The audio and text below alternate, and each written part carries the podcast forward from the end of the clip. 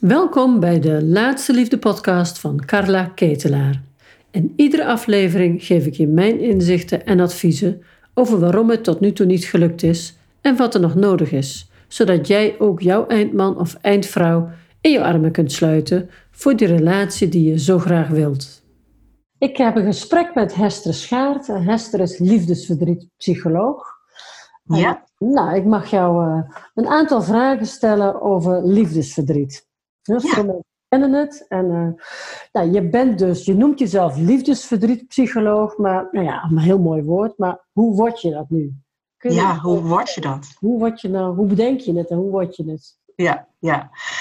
Ja, ga ik je graag over vertellen, Carla. Ik ben uh, uh, van oorsprong gezondheidszorgpsycholoog. En een aantal jaar geleden, het was in 2014, werd ik keihard gedumpt door mijn toenmalige partner. Ik zag die breuk niet aankomen. En ik had toen al een goedlopende praktijk voor volwassenen en kinderen hier in Den Haag. En na die liefdesbreuk merkte ik dat ik finaal onderuit ging. En dat betekende dat ik, uh, ik werd somber, ik werd heel verdrietig. Ik kon niet meer stoppen met wanhopen, uh, uh, verlangen naar de ander. Um, ik kon nachten niet meer slapen. Uh, kortom, ik kwam echt in een soort psychische uh, mm, ja, valkuil terecht. Waarvan ik denk, jeetje, wat gebeurt er met mij? Ik schrok er enorm van. En na een paar maanden worstelen... Je was psycholoog, je kent ja. Hè, hoe ga je met moeilijke problemen om. Maar dit ja, ja, ja. viel jou volledig. Precies, en ik ben al, ik geloof al 20 jaar, ik word nu 50, ik ben al uh, uh, 25 jaar psycholoog en ik heb al jaren mijn eigen praktijk. En ik wist natuurlijk wel ergens veel van rouw en van Ja. depressie en van trauma. Maar ik denk, hoe kan het nou zo zijn Ja. dat deze liefdesbreuk er zo enorm inhakt? En op het moment dat, dat het jezelf overkomt, ja, dan kan je eigenlijk ook niet meer zo goed afstand ervan nemen. Hè? Dan, dan ben je alleen maar samen met dat ellendige gevoel. Zou Dus na een paar maanden Zo, sorry, ik ga verder. nou ja, na een paar maanden strukkelen dacht ik, ja, ik kom hier in mijn eentje niet uit. Ja. En toen heb ik gelukkig een goede therapeut in de arm genomen. En eh, ik zei, ik wil nu medicatie. Ik moet ook gewoon antidepressiva om hier doorheen te komen. En wat is dit? Want ik ben gewoon zo... afschu- Ik voel me zo vreselijk afschuwelijk. Alsof dit verdriet nooit meer overgaat. Ja. En toen zei ze, dat weet ik nog goed, zei ze, Hester, dit is geen depressie. Dit is gewoon rouw. En dit is rauwe rouw. De eerste A, rauwe rouw, is de AU en de volgende is van OU. Ja. En rouw is gewoon heel scherp, heel pijnlijk. Ja. En met name eh, van iets wat je gewoon heel erg hebt lief gehad. Ja. En wat jou Dus- heeft lief gehad. Dus je zou kunnen zeggen dat jij door deze rouw eigenlijk volledig onderuit ging. Ja, ja, Ja. zo voelde het. Ja. Ja, zo voelde Want het. als je het over liefdesverdriet hebt, hè, hoe, wat is, hoe zou je het kunnen omschrijven? Wat is liefdesverdriet precies? Ja, liefdesverdriet is echt wel eh, rouw als gevolg van een heel groot verlies. Ja. En het verlies is een dierbare, is degene die jou heeft vastgehouden, is degene waarmee je een heel leven hebt gehad, waarin je heel veel betekenis heeft gegeven aan dat leven met die ander. Ehm, en is gewoon de pijn van dat verlies, de emotionele pijn. Ja. En het ingewikkelde bij liefdesverdriet is dat het ook op je fysieke systeem, dus je lichamelijke systeem, een enorme impact kan hebben. ja. Dus En maak jij, maak jij in die zin nog onderscheid tussen liefdesverdriet na scheiding of na overlijden van een partner? Noem je dat ook liefdesverdriet? Of hoe, hoe moet je dat, wat is dat? ja, nou, ik, ik, ik zie overeenkomsten, maar ik zie vooral veel verschillen. Oké. Hè, ehm, het is zo dat als je een partner hebt verloren aan de dood, dan is dat natuurlijk ook verwerking van rouw, maar dan is het een definitieve breuk. Er is geen weg terug. Degene is overleden. Mhm. En bij de dood hebben we heel veel rituelen. We hebben een uitvaart. Oh ja. Eh, er zijn heel veel mogelijkheden om troost te vinden bij de ander. En het is in Nederland en natuurlijk in andere landen heel erg gelegitimeerd om troost te vragen als gevolg van overlijden. Ja. Het is zichtbaar. We hebben een graf. Eh, er worden kaarten gestuurd. Er is een uitgebreide uitvaart. Mhm. Er worden allerlei rituelen omheen gemaakt na een overlijden. Ja, ja. En er Dus je wordt veel. zeggen, er is meer eh, je krijgt meer kans om het echt te beleven en te verwerken. Exact. En er is veel meer erkenning voor dat je heel lang nog verdrietig bent. Ja. En uiteindelijk voel je ook wel door omgeving dat je voelt van, nou ja, er wordt wat minder gevraagd aan je. Hoe is het nu eenmaal na een jaar na het overlijden? En dat dat vaak is het dat een mhm. gelijkmatig proces. Maar het gekke is dat we niet iets hebben bedacht als een ritueel na een scheiding. Nee. Overigens is dat ook vaak wat ik mensen adviseer. Want je kan je voorstellen als je 15 jaar of 20 jaar een leven lang met iemand bent geweest en je moet afscheid nemen van en degene, maar ook het leven en het verleden van die ander, dan kan het niet anders zo zijn dat dat een enorme consequentie heeft voor jouw welzijn. Ja. Ja, ja. ja. Dus ja, er zitten overeenkomsten. Natuurlijk heb je ook fasen in, in rouwverwerking, ook naar aanleiding van het overlijden. Maar het grote verschil is de validering door omgeving. Ja, en dat maakt het erg ingewikkeld. Precies, je zou eigenlijk kunnen zeggen dat liefdesverdriet zo heftig is, omdat het geen kans krijgt om een plek te vinden. Het wordt niet afgerond. Ja, het wordt niet afgerond. Ja. Er zitten bij liefdesverdriet ook niet heel veel uh, schuldkant. Zo, hè? Ik ben zelf ook, ik heb een scheiding achter de rug. Ja, dan heel veel verdriet. Ja. Ik weet dat ik me ook heel schuldig voelde naar de kinderen. Dat ik dacht van jeetje, dat hebben we dat nu niet anders kunnen doen. Nou ja, ja. Schuld, er zit, weet je, ik kan me voorstellen als je een goed huwelijk hebt gehad en je partner overlijdt. Ja dan is dat afschuwelijk, maar er zit niet heel veel gedoe omheen. Maar door een scheiding heb je natuurlijk ook heel veel gedoe, heel veel heftige emoties in de relatie al. Zeker. En die heftige emoties maken inderdaad dat liefdesverdriet als verdriet niet aan zich één stuk is. Het is verdriet, het is schaamte, het is schuld, het is boosheid, het is wanhoop, het is agressie, het is onzekerheid, angstigheid voor de toekomst. En dat alles door alle kanten op. En dat gaat alle kanten op. Als je zo'n heel rijtje noemt, dan denk ik, oh ja, oh ja, dat, oh ja, dat. Dat is het dan veel, hè? Het is eigenlijk gewoon heel veel. Ja. Het is heel veel en het na, narige is, is dat, en dat is ook waarom ik het ook heel erg als missie ben gaan voelen. Want ik denk, er moet erkenning komen, veel meer dan dat er nu is. Ja omdat al die emoties er zijn en die, die, die gaan alle kanten op. Naast de pijn natuurlijk van een scheiding en de kinderen en het gezin uh, wat een andere constructie gaat krijgen. Maar mensen zeggen heel vaak van, joh, maar je huwelijk was toch slecht? Ja, ja, oh, dat. Het was toch ook goed dat je uit elkaar bent gegaan? Ja, ja. ja maar eh, je ex is toch vreemd gegaan? Je wees blij dat je er vanaf bent. Want het was zo'n vreselijk iemand omdat hij een affaire had. Maar daarmee wordt dus een heel deel ontkend wat ooit... Wordt ontkend, exact. Dat was ook, het is niet alleen maar slecht een huwelijk, hè? Dus nee, het is niet alleen maar slecht. Het is maar één, één kant van het verhaal. En, en, en met name de uh, de angst voor de toekomst maakt dat het zo'n enorme impact heeft. Van ja. ja. hoe ga ik nou weer de, de, de toekomst vormgeven zonder die ander? En nu moet ik het alleen doen. En hoe ga ik dan om met gevoelens van eenzaamheid? Het is soms bijna niet te dragen. Nee.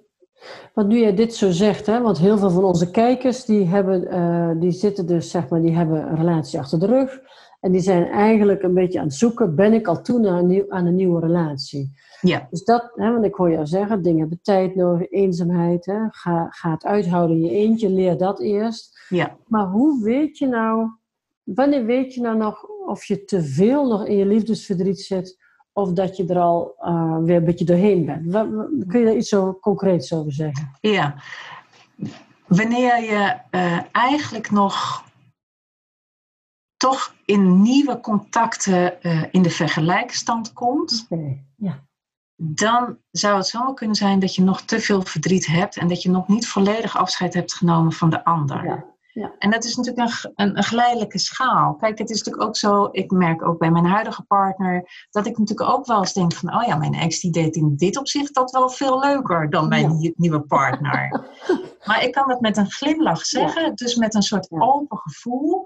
En ik denk niet van, oh, mijn ex, dat was eigenlijk veel leuker. En wat doe ik bij mijn huidige partner? Nee. Dus op het moment dat je in een vergelijkstand komt waarbij je jezelf naar voelt hoe het nu met je gaat, dan ben je er niet aan toe. Oké. Op het moment. Mm dat, wij zeggen. Uh, nou, ik, ik heb wel eens zelf, uh, ik heb het ook wel ergens geschreven, Als je iedere dag nog aan je ex denkt, is het te vroeg. Als je iedere week behoefte hebt om aan jouw vriendin dat hele bolletje wol af te rollen over je ex, dan is het nog te vroeg. Precies, zo is het. Als je in ieder Zo gesprek dat je hebt met iemand toch behoefte hebt om hem er even door te fietsen, op welke Ja. manier dan ook, dan Ja. is het te vroeg. Daar ben je met me Dan is het te vroeg. Ja. Ja, daar ben ik met je eens. Als je s'morgens opstaat en je denkt, oh, het wordt een leuke dag en ik heb zin om iemand te ontmoeten. En oh, ik, ben, ik heb nu een date en ik ben eigenlijk nu benieuwd naar drie keer hoe die nu is. Ja, dan is er een, een energie van, oh, ik heb er zin in. Ik, ga, ik kom in beweging. Ja, Als je denkt, oh, ik, ik moet er eigenlijk niet aan denken en ik heb eigenlijk helemaal geen zin om diegene te ontmoeten. En jezus, dat wordt weer een eindeloos gedoe. en wat. Ja, dan, dan wees dan ook vooral eerlijk naar jezelf. Natuurlijk is het belangrijk dat je eerlijk naar die nieuwe date bent. Ja, ja. Maar de, de, de openheid en de, en de ontdekkingsreis die je naar jezelf hebt te gaan, is, Ja. is, is het allerbelangrijkste. Is de belangrijkste graadmeter. Mooi. Ja, Ja, en wat ik zelf heel erg tegenkom, dat wil ik eigenlijk wel even vertellen, is dat je, wat ik heel vaak zie, is dat we in het, hè, als het over liefdesverdriet hebben, is, is het vaak, klopt dat, dat je dan vaak in de steek gelaten bent, of dat de ander weg is gegaan? Ja. Ja, Het ja. liefdesverdriet, als je zelf beslissing neemt, is anders. ja, Als Ja, dat is misschien wel- minder- ja, het is wel het, is een ingewikkelde. Want op het moment dat je daarover gaat nadenken, dan zou het zomaar kunnen zijn dat iemand zegt: Oké, ik ben verlaten. Mijn ex is er vandoor gegaan met een ander. Ik ben verlaten en nu is ons huwelijk gestopt. Mhm, Dat is heel pijnlijk, omdat de ex misschien een andere relatie kreeg.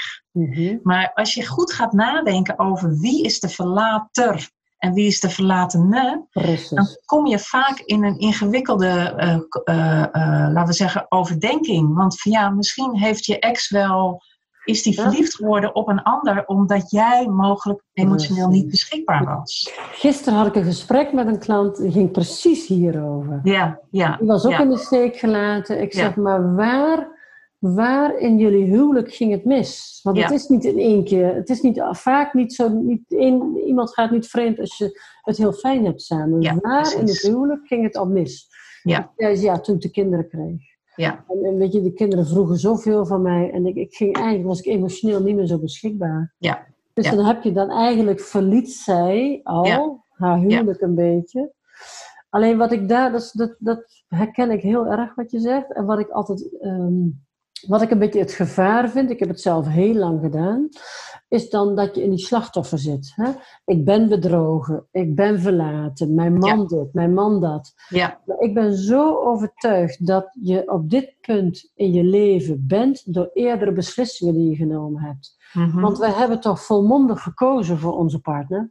Dat, Mhm. hij is ons niet overkomen. Mhm. We hebben volmondig gekozen voor die relatie. Dus, Ja. dus op het moment dat je dat weer terugpakt van, oh ja, ik heb me laten bedriegen. Of eh, ehm, dat je het als, als, ehm, dus als actie doet en niet als het overkomt me. ja, Dan pak je zo, volgens mij is dat een heel stuk van het verwerken van het liefdesverdriet. Ja.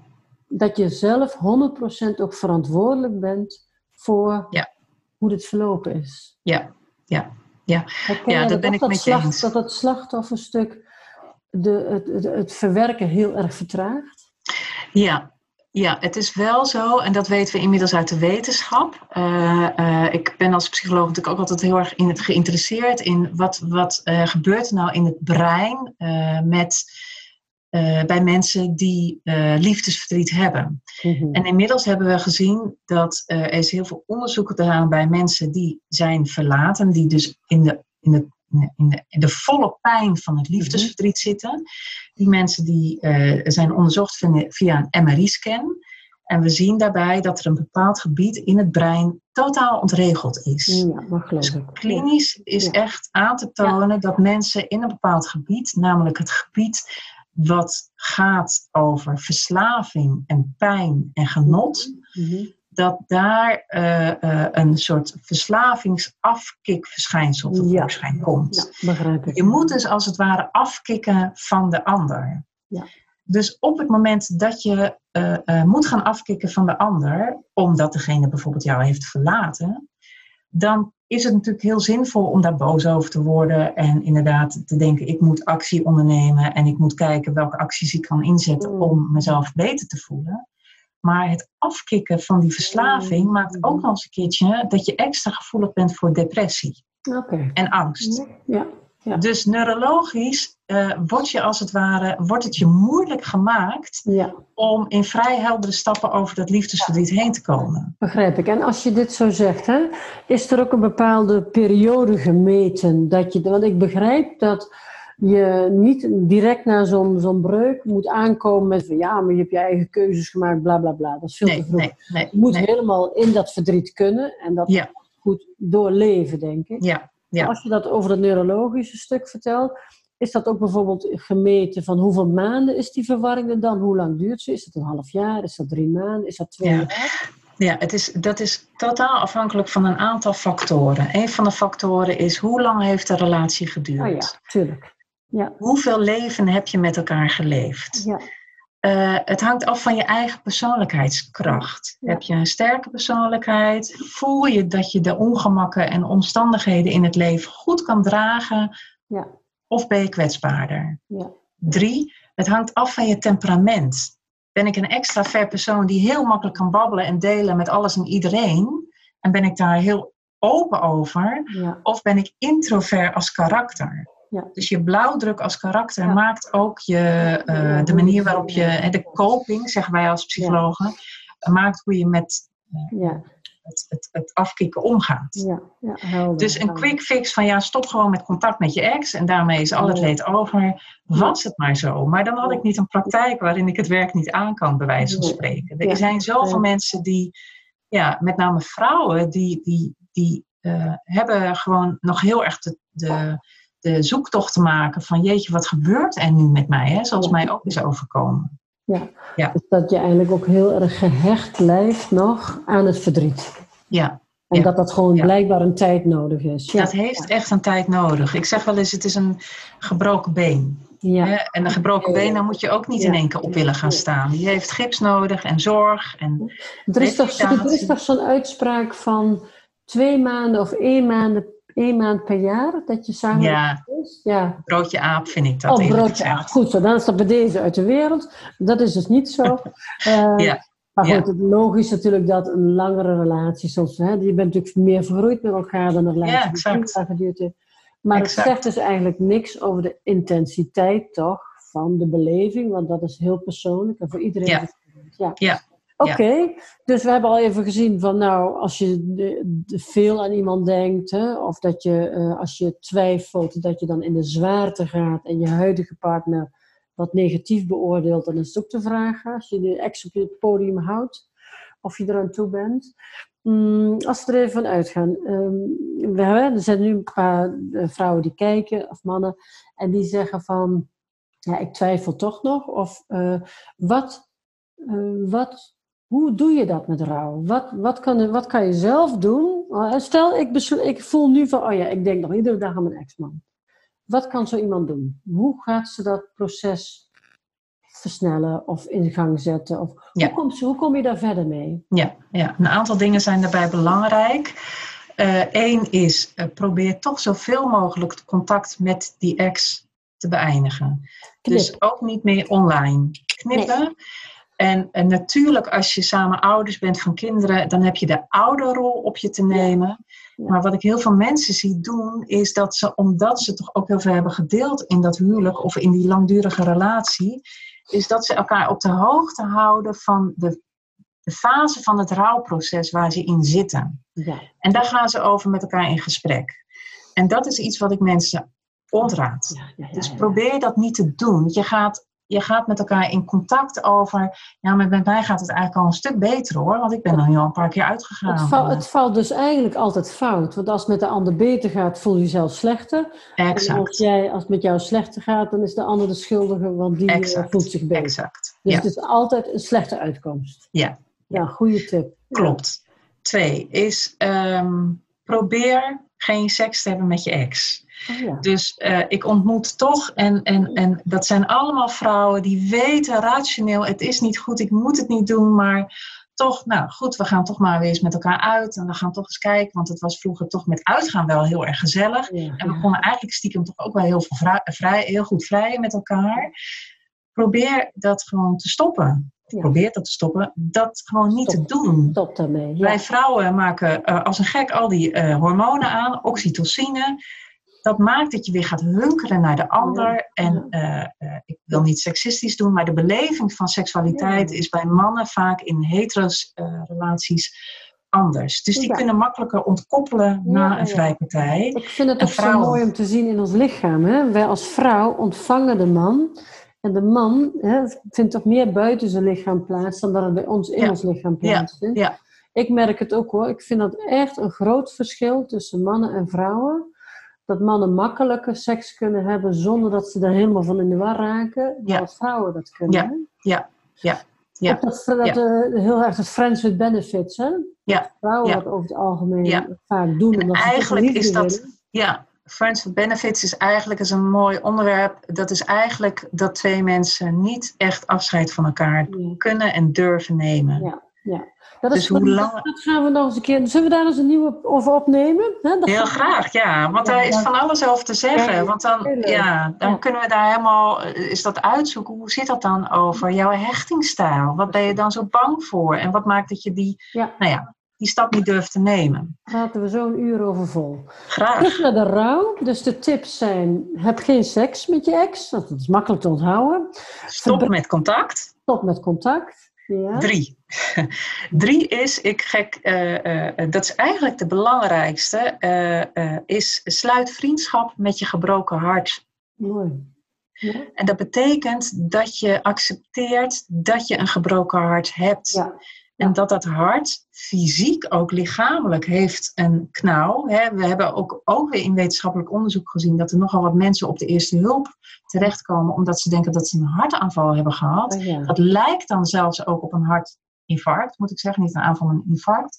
Omdat de hartspier tijdelijk vertraagd is. Mm. Hij pompt niet meer goed rond door de enorme hoeveelheden cortisol. Ja, ja, ja. Dus de hoeveelheid stress die na een breuk tevoorschijn kan komen, Mm. Is, we noemen dat het gebroken hartsyndroom, is enorm. Ja.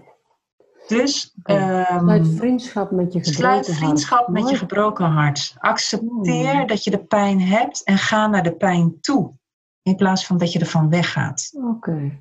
Oké, maar dat is natuurlijk, hè, ik heb zelf veel aan therapie gedaan, maar ik heb heel veel jaren mijn best gedaan om dus vooral niet bij die pijn te komen, want daar had ik natuurlijk helemaal geen trek in.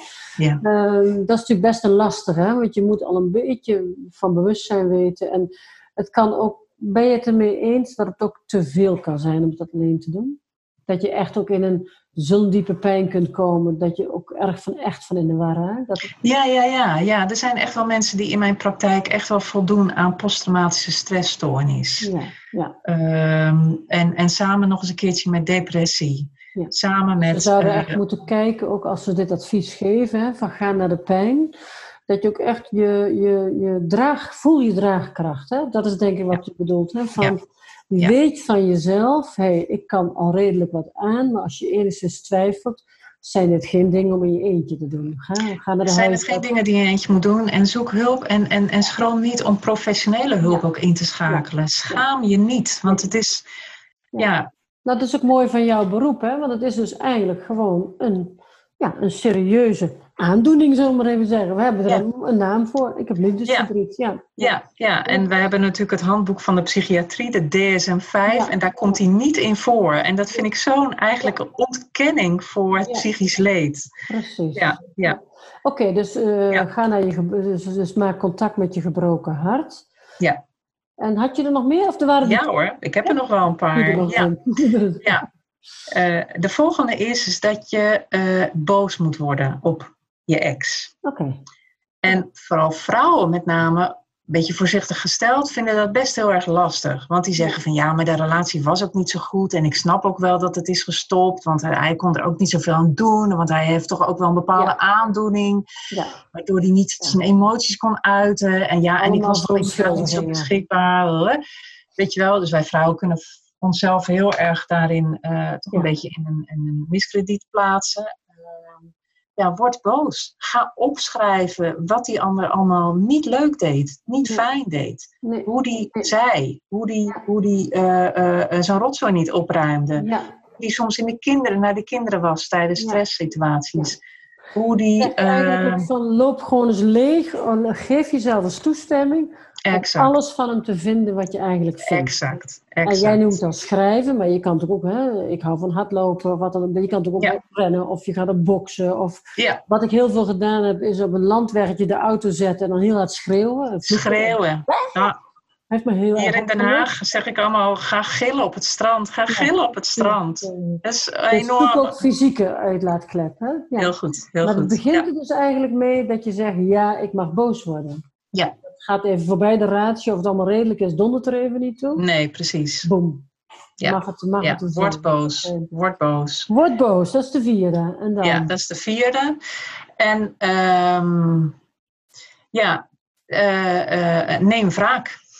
Oeh, dat is een interessante. Die heb ik nog verteld. Neem wraak, ja. En dat is natuurlijk altijd een beetje gevaarlijk voor mij om dat uit te spreken. Kijk, ik wil natuurlijk niet dat ex-partners eh, elkaar pijn gaan doen eh, en hele nare dingen elkaar gaan aandoen, enzovoort, enzovoort. Maar je mag het wel denken. Je mag alles denken. Dus neem wraak in je hoofd. Ga fantaseren over de grootste wraakactie die je zou kunnen uitvoeren. En ga En dat helpt dat? Absoluut, absoluut. Dus ik heb de geweldigste gesprekken met mensen in mijn praktijk. Die zeggen, wat zou je het liefst hem willen aandoen? Oh. Nou, ik zou het hem het liefst willen aandoen, want hij hield altijd van rotti. Dat ik gewoon allemaal oude rotti, dus het Surinaamse eten, allemaal door zijn brievenbus zou willen duwen. En dat het schimmelend en al met paddenstoelen en al bij hem eh, op de mat zou liggen. Geweldig. Ja, weet Ja, je wel, ik, dit- je dit mag alles eigenlijk- denken. Eigenlijk gaat het ook over toestemming, hè? Ja, Van mag Ja. ik gewoon... Eigenlijk is wraak is natuurlijk gewoon heel boos zijn. Ja, precies. een, een versterkte vorm van boos zijn. En dan Ja. nog even tegen jou zeggen. Ja, Ik ja. zeg altijd, de beste wraak is zelf heel gelukkig worden. ja, dat is de beste Dat ik vraag. Een ultieme vorm van wraak. Ja, En dan is het ook gelijk goed voor jezelf. Hè? Dat is Ja, een, absoluut. eh, Ja. Maar goed, Het- daar zitten nog een paar stapjes tussen natuurlijk. Daar, daar, precies, als je daar nog niet helemaal bent, dan eh, ja. Doe het zo. Nou, en het laatste advies is, en dat is ook echt wel een heel belangrijke, is dat je jezelf weer gaat herontdekken.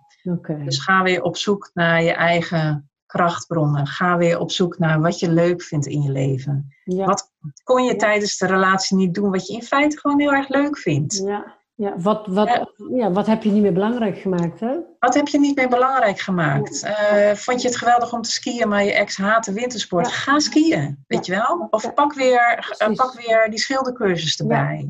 Ja, want dat zie ik heel vaak.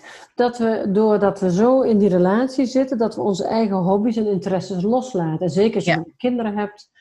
En, en dat verwijten we dan de ander ook nog. Hij denkt alleen maar aan zichzelf. Hij gaat wel sporten. Ja, het wordt tijd dat je het zelf ook gaat doen. Ja, In precies. plaats van daarover af te geven. En Precies. dus als vrouwen zie ik toch wel dat we heel vaak ook onze interesses loslaten. Dus je zegt eigenlijk ook, dit is het moment om dat weer op te pakken. Exact. Herontdek jezelf en het liefst nieuwe dingen, want daar ligt het Oké. geluk. Oké, nieuwe dingen. Nou, Nieuwe dingen. Ja, ja, ja, nieuwe dingen. leuk. Ja, ja. Mooi. Dus dit zijn eigenlijk tips voor als je herkent van nou, ik denk nog best heel vaak aan mijn ex. Zijn dit eigenlijk hele belangrijke dingen. Ja. En zeg jij dan ook, als je dit een beetje gedaan hebt, dan, eh, ik, ik heb zelf ervaren dat als je dit zo, ik heb daar heel lang over gedaan trouwens, hè. ik ben heel lang met dat bolletje wol bezig geweest. Iedere keer herhalen van feiten, maar ik denk dat dat ook verwerken was hoor. Absoluut. Ja, Ja, absoluut. ja. Ja. Eh, ik heb vijf jaar nodig gehad, zeg maar. Kort in de bocht. En, Ja. Ja, ik, ik heb toen heel duidelijk het moment gevoeld. Ik zei altijd, als die nu aanbelt, als er nu een man aanbelt, doe ik open. Zodat Ah ja, ja. Ze bellen natuurlijk niet aan, maar goed, dat was wel even het gevoel dat ik dacht, oh ja, nu zou het weer ongeveer kunnen. Ja. Drie tot ergens tussen drie en vijf jaar zat ik. Ja. Voelt iedereen dat moment? Of eh, is, is er voor iedereen zo'n punt? Of is dat niet zo? Ja, ik, ik, het is een beetje verschillend wat ik hoor van mijn cliënten. Eh, jij beschrijft het als echt een soort klik van, oh ja, nu, als die nu aanbelt, dan sta ik ervoor open. Ehm, ja, ik hoor sommige vrouwen dat ook wel, maar ik zie toch veel meer dat het een gradueel proces is. En dat ze opeens Langzaam. van, oh, ik heb zin om in mijn eentje naar Rome te gaan. Dat is gaaf, want ik ben nog nooit in die stad geweest. Ik ga het nu eens alleen doen. En dan gaan ze en dan is het ook hartstikke zwaar. Hè? Dus het is echt Ja. niet zo dat ze daar geweldig met vlaggetjes rondlopen, maar echt denken, shit, nou zit ik hier in mijn eentje in die hotelkamer. Ja, Maar ze heeft het wel gedaan. precies. En dat, dat, ja, weet je wel, ik denk dat is het grootste cadeau wat je jezelf kan aandoen of kan geven. En ja, dat zijn echt wel momenten dat je eigenlijk weer een stap verder in die rouwverwerking bent. Ja, ja, dus je zegt er is niet echt zo'n, ja, voor sommigen wel, dus zo'n punt, hè, zo'n markeringspunt. Ja, ja. Het is ook een proces, hè? Ja. Het is een proces. Ja, mooi, ja. mooi. Ja. Ik ga nog even kijken, want ik had een paar vragen binnengekregen, al eerder van mensen die vragen stelden over de liefde. Ja, nou, hoe rouw je goed, dat heb je eigenlijk net al wel mooi uitgelegd. Hè? Dat zijn dus de stappen voor rouw. Ja. Langzamerhand ga je steeds meer momenten voelen dat er iets, hè, er gaat een luikje open. Ik wil Ja. weer alleen op vakantie. Of hé, hey, god, dat is een leuke man. Hm, zie ik, voor, het- ik zie voor het eerst een leuke man voorbij komen. Hè? Ja. precies. Ja. Dus dat zijn eh, van dat soort momenten. Ehm, wat had ze? Oh ja, hoe lang duurt het voor de scherpe randjes eraf zijn? Wat, Ja. Kun je daar iets van zeggen? Ja, ik denk in het algemeen, ook weer een voorzichtige uitspraak, is dat de eerste maanden, de eerste drie, vier maanden zijn heel scherp. En scherp betekent veel huilen, veel gevoelens van wanhoop, eh, veel angsten, eh, niet meer genieten van het leven, eh, somberheid, slecht eten, slecht slapen.